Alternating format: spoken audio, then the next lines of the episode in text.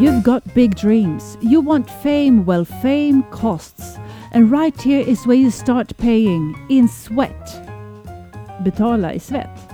Nej, men jag sätter mig och surfar istället och spanar in trikåerna man hade på 80-talet och Leroy han dansade i badbyxor och kolla vilken schysst tandemcykel. Nej, hörni, med andra ord, finns det något annat som du borde göra just nu?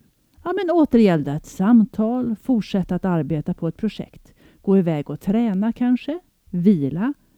Men du gör något annat istället. Oroa dig inte, du är i gott sällskap. Idag pratar jag om instant gratification, alltså behovet av en omedelbar belöning.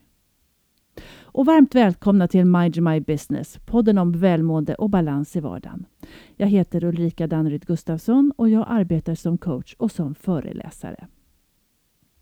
Ja, instant gratification eller omedelbar belöning, kortsiktig belöning, som syftar till att helt enkelt välja att göra någonting lättsamt nu på bekostnad av en större fördel i framtiden. Ja, men ni vet som att snosa på morgonen istället för att gå upp tidigt och träna eller ta en extra promenad till jobbet. Eller att sätta på en tv-serie och se flera avsnitt istället för att gå och lägga sig tid för att vara pigg och kry imorgon.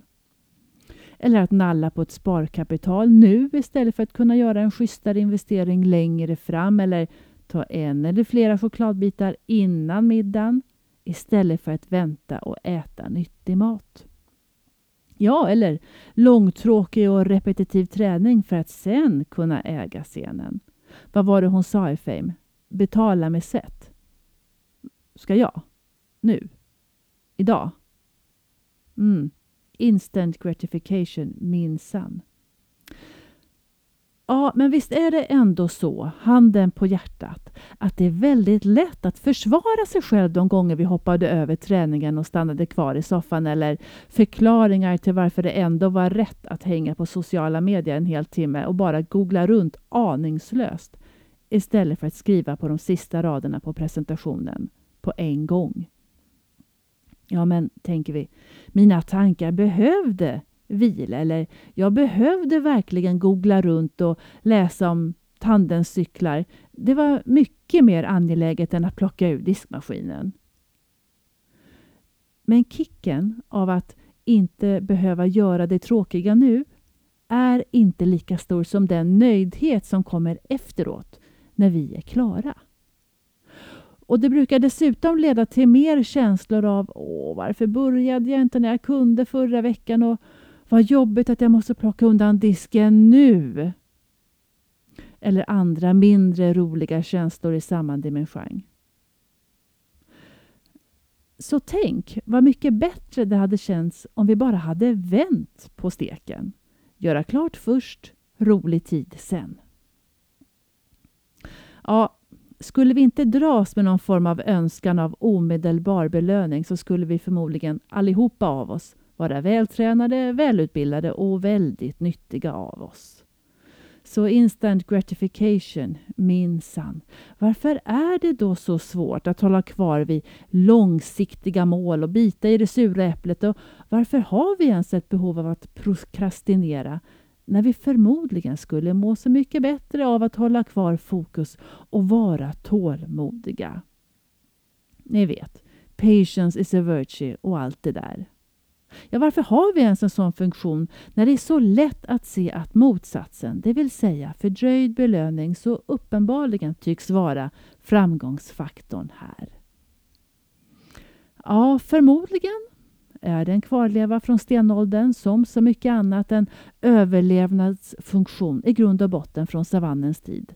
Ja, men, snabba, kvicka beslut där och då. Spring nu, jaga nu, ät nu och om man inte slängde sig över maten på en gång, ja då kanske man inte fick någon mat alls. Nej, alla där inne och utanför grottan reagerade förmodligen på omedelbara impulser, vilket säkerligen var viktigt om man jagades av ett vilddjur. Men inte fullt lika viktigt idag om man vill leva ett liv i balans. Och Det har gjorts många studier genom åren om det här behovet av direkt kontra skjuta upp en belöning. Och kanske den mest omtalade är marshmallows-experimentet. 1968 gjordes ett psykologiskt experiment på Stanford University i USA och som kom att kallas Marshmallows-experimentet. Och det gick ut på att testa barns strategier när det kom till självkontroll och viljestyrka. Ni har säkert hört talas om det. Ett eh, forskarteam samlade ihop ett antal fyraåringar, ett par hundra stycken eller så. Och de skulle få delta i det här experimentet. Och barnen fick då komma in en och en i ett rum där de blev erbjudna sötsaker, bland annat en marshmallows. Och så kom twisten. Om du inte äter upp din marshmallows nu så får du två stycken av mig när jag kommer tillbaka i rummet. Och så lämnades barnet helt själv, förmodligen runt en kvart eller så, med sin fluffiga marshmallows precis framför sig. Ja, vissa, rätt många, åt helt sonika upp sin marshmallow så fort de bara kunde. Andra, ja, bilder har visat från det här att det tuggades på håret och sparkades lite i bordet. Vissa hoppade upp och ner och man kan nästan se framför sig ett barn som försöker behärska sig. Ja, det gick ju sådär då för många. Marshmallowsen lockade liksom för mycket. Och den genomsnittliga tiden innan lockelsen eller frestelsen då blev för stor, det var fyra minuter för de här fyraåringarna. Dock så var det ju några barn som lyckades idka den här självkontrollen och fick alltså en marshmallows extra. Så vad var slutsatsen av experimentet? Ja, teamet följde de här barnen upp till vuxen ålder. Och de barn som hade tålamod redan som fyraåringar hade generellt sett en bättre livsstil som vuxna. Och jaha, nu flödar inte inspirationen över mig. För jag var den som åt upp chokladbiten på en gång. När min kusin minsann var den som väntade med att äta sin så att han kunde sukta mig. Och då känns det ju bra att andra kloka människor förmodligen hade gjort likadant som jag. Jag kan motstå allt utom frestelser, sa han, Oscar Wilde. Och han var vuxen när han sa det. Så då mår jag genast lite bättre. Men vad krävs det då för att som vuxen motstå frestelsen? Om det nu är så att man inte har med sig den förmågan sedan barnsben. Ja, jag kommer till det. Men, eller och, förmodligen är det så att vi ställs inför de här besluten varje dag. Och vissa dagar är det lättare att vara ståndaktig och andra dagar ger man helt enkelt efter.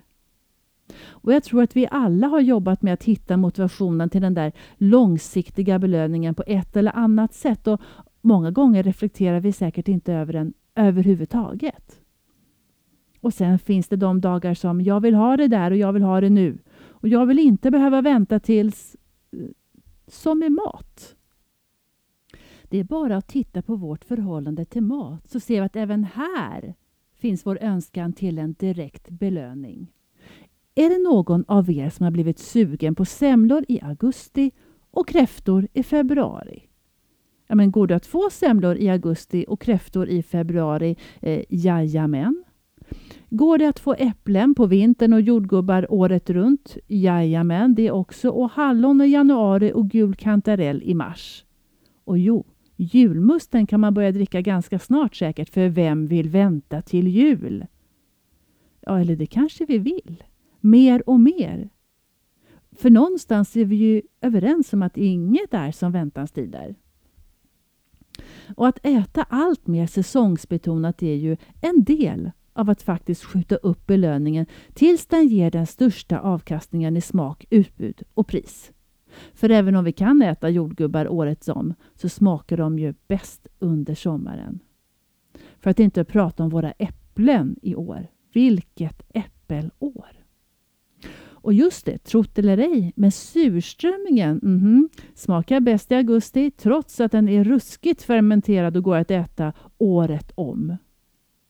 Ja, så att stå ut och längta gör helt enkelt att det smakar bättre och det är ju halva nöjet. Eller kanske hela nöjet för den delen. Som man sår får man skörda. Inga nya tankar precis. Man ska inte skörda frukten innan den är mogen, säger ordspråket. Och vi kan ju äta tomater och gurka nu, för det finns att äta. Men nu så kommer säsongen för alla rotfrukter. Och det är nu de är billigast och godast. Det blir alltså en win-win. Och när det kommer till att stå ut, att ha tålamod, att inte falla till föga för att tjuvkika. Och nej, jag menar inte att tjuvkika på julklappar, även om det är samma känsla.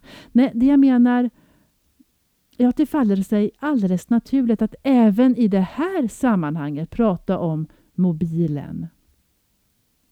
Jag menar, är du den som tänker att nej, när jag kommer hem efter jobbet, då ska jag se vad alla notiser handlade om och vad alla spännande pling betydde och då ska jag sätta mig ner och se vilken aktivitet jag har varit där ute. Då, alltså ja, sen. Eller hur många sitter och kikar på mobilen under fikarasten. Alltså, vi är ju nyfikna av naturen och då kan det ju vara bra att uppdatera sig hela tiden så att vi inte har tråkigt. Även när vi jobbar. Till och med när vi håller på att skriva ett mejl och oj, ett pling från ett annat mejl och oj, ett pling från Facebook eller Twitter. Och så går liksom handen av sig själv. Och så riktar vi uppmärksamheten bort från det vi gjorde. Ja, men bara en liten stund. Det kan ju vara viktigt. Ja, men vad som kan vara viktigt och intressant att veta då, det är ju att vårt fokus avbryts om och om igen. Det finns forskare som menar att det tar mellan 15 till 25 minuter att hitta tillbaka till det fokus vi hade innan vi avbröt oss själva för att bara titta en snabbis på mobilen. Och alla som har upplevt flow i arbetet vet att det inte bara hände hux flux utan att det krävdes fokus för att hitta fokus. Det blir mycket fokus. Och om vi hela tiden avbryts så kanske vi aldrig hittar den där riktiga koncentrationen överhuvudtaget. Varje notifikation från sociala medier ger hjärnan en liten kick med tomma kalorier men den där riktiga belöningen liksom uteblir. Alltså korta snabba belöningar istället för långsiktig framgång. Nej, apropå hörni, instant gratification och mobiler och paddor och smarta klockor och allt vad det är så kanske det faktiskt är läge med en digital detox. Är inte det lite i ropet nu i alla fall? Och ganska klokt? En amerikansk studie från 2017, Smartphone and Cognition, menar att blotta medvetenheten om en mobils fysiska närvaro kan påverka vår tankeförmåga och tankeverksamhet. Den påverkar oss alltså inte bara när det ringer eller vibrerar. För även om vi inte tittar efter i mobilen så störs vårt fokus i alla fall. För tankarna dras till mobilen i alla fall. För tänk, det kanske plingar till snart. Ja, eller om en stund i alla fall. Bäst jag tittar. Studien indikerar också att vi inte lär oss att lära när vi jämt och ständigt, snabbt och enkelt kan hitta fakta och svar direkt. Och I en annan studie gjord av University of Texas så kallar man samma fenomen för brain drain, alltså kompetensflykt. Så frågan är om vårt konstanta flackande med fokus, alltså i förlängningen, kan minska vår förmåga till att koncentrera oss och bibehålla fokus en längre stund. Vad tror du? Kommer bristande fokus bli ett bekymmer i framtiden eller kommer vi helt enkelt att anpassa oss? Och vad känner du för egen del? Tråkigt nu, meningsfullt senare. Ja, det är väl ändå essensen av det här. Och kan det vara så att vi tycker att det är läskigt att ha tråkigt? Rent av obehagligt? Men med mobilen i högsta hugg så behöver vi inte ha tråkigt. Det är bara att appa upp sig och så har vi en hel värld av underhållning och fakta i handen. Här behöver ingen ha tråkigt. Men det finns ju då vissa fördelar med att ha tråkigt. Och det vet vi. Och det fick Alfons Åberg minsann lära sig av sin mormor som sa Tråkiga saker finns till bara för att man ska märka en skillnad när det roliga kommer sen. Och min sann, är inte det en sanning att räkna med? Men ja, en parentes här, för det finns grader av tråkigt och den kan sträcka sig hela vägen ner till apati. Och då pratar vi om någonting helt annat. Det tråkiga jag menar här, det är det här jag har typ långtråkigt nu och vi har inget att göra. Och jag har ingen lust att och jag tänker inte... Mm. Så jag tar genast till mobil, dator eller paddan så att jag slipper ha tråkigt. Ja, men hörni, att det här att hålla på och skjuta upp saker, ja, det brukar man till slut få lite dåligt samvete över. Eh, ingen kick där. Så lyckas du börja med att utmana just den här tråkigheten. Alltså om vi lyckas ta oss igenom att hålla kvar det där långtråkiga en stund så kan det ske riktigt bra grejer. För du kan ge hjärnan mer utrymme till att bli kreativ och det kan behövas upp till 15 minuter av att ha tråkigt för att de här kreativa tankarna ska kicka in. Och du ger kroppen en chans att tagga ner och bli lugn. Och när vi blir lugna så känner vi lättare empati och möjlighet också till reflektion ökar när vi stillar oss. Jag tror vi blir kvickare i tanken också efter att vi har släppt stimuli ett tag. Ni vet det där med att jag brukar säga att om man lägger ifrån sig korsordet för att man inte hittar ett enda ord eller sudoku för den delen och så kommer man tillbaka efter en stund och, och, och va? Varför såg jag inte de där orden? Hur lätta som helst. Alltså gud vad jag är smart. Och kanske är det så att vi ska döpa om ordet att ha tråkigt till att ha hjärnvila så att det inte låter så tråkigt. Och plötsligt så låter det ju riktigt bra. Men vi har lite att arbeta mot när det gäller quick fix och snabba belöningar. För mycket i vårt samhälle vill att vi ska vilja ha det där och vi ska vilja ha det nu. Bli smal på en vecka med juice. 200% bonus om du börjar spela idag. Eh, inredningssaker som höjer mysfaktorn nu. Eh, just nu sparar du 1000 kronor om du handlar eller, eller ny kropp nu. Fantastisk förvandling på 10 veckor. Som sagt, det finns lite att jobba mot. Men det är få tillfällen som det inte lönar sig att bita i det sura äpplet och tänka långsiktigt. Så om jag vänder då på instant gratification, ja, då landar vi ju med framgångsfaktorn av delayed gratification, alltså uppskjuten belöning, möjligheten att åtnjuta avkastning på din investering.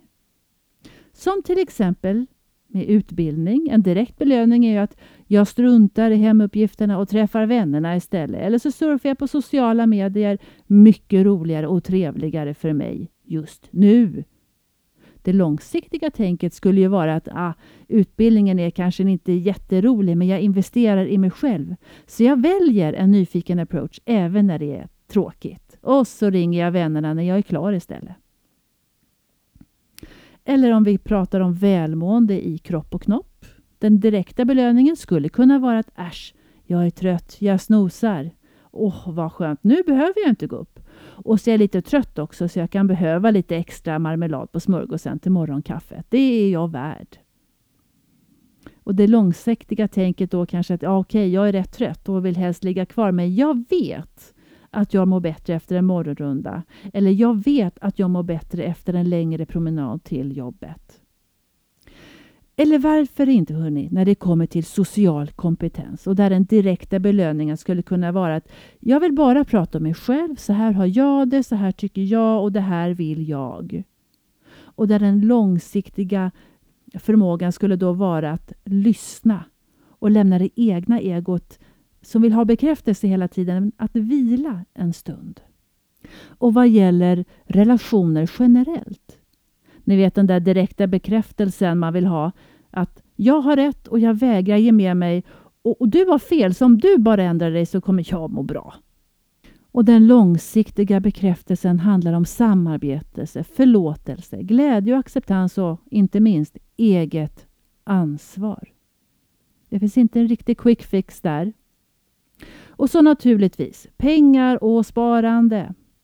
Den direkta är att jag förtjänar de där skorna för ja, 2000 kronor. Fast hela garderoben är full av skor.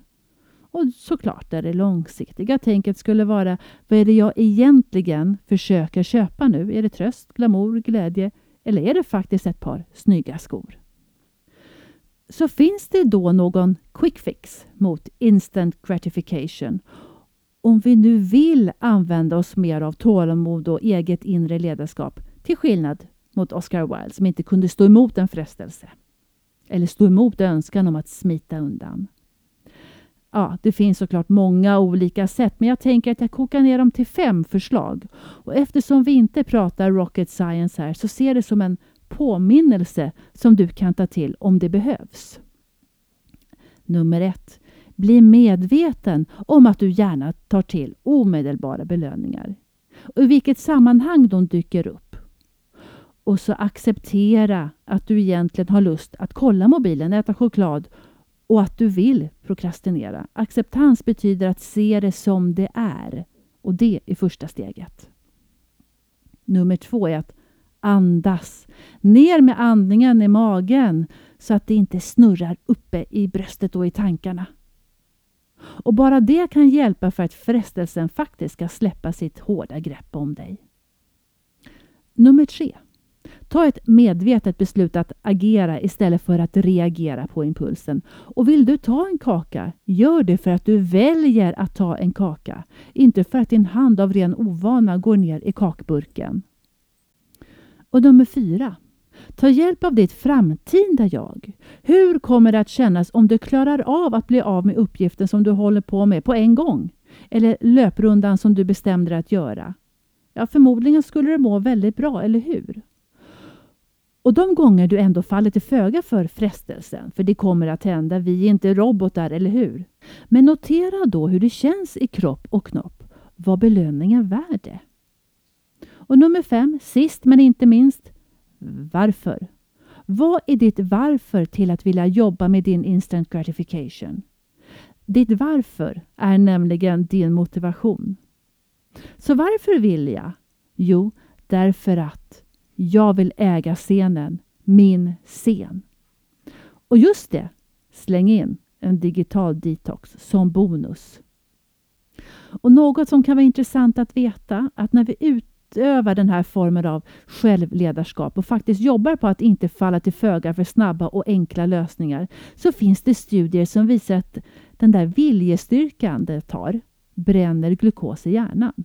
Och då kan det ju helt plötsligt bli lätt att stoppa ner handen i kakburken för att tanka på med socker. Och helst när ingen ser.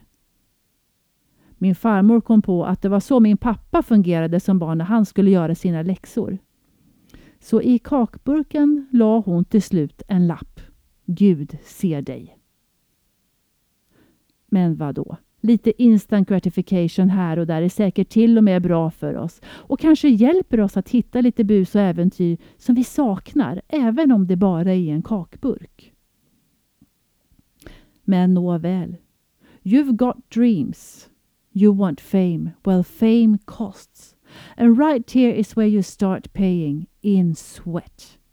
Ja, det är nog ändå så att om du vill lyckas med någonting om det så må vara full fart framåt eller om det är en stilla stund för dig själv så behöver vi ändå hitta ett sätt och förmågan att vara disciplinerad och se till att vi kan hålla fokus på vad som är bäst för oss istället för att bli distraherade till att göra det som tillhör det minsta motståndets lag.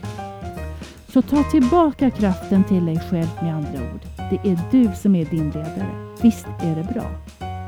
Och det, kära ni, får avsluta det här avsnittet. Tyckte ni om det? Lajka, dela och lyssna igen nästa gång. Och tills dess, ha det så bra. Hej!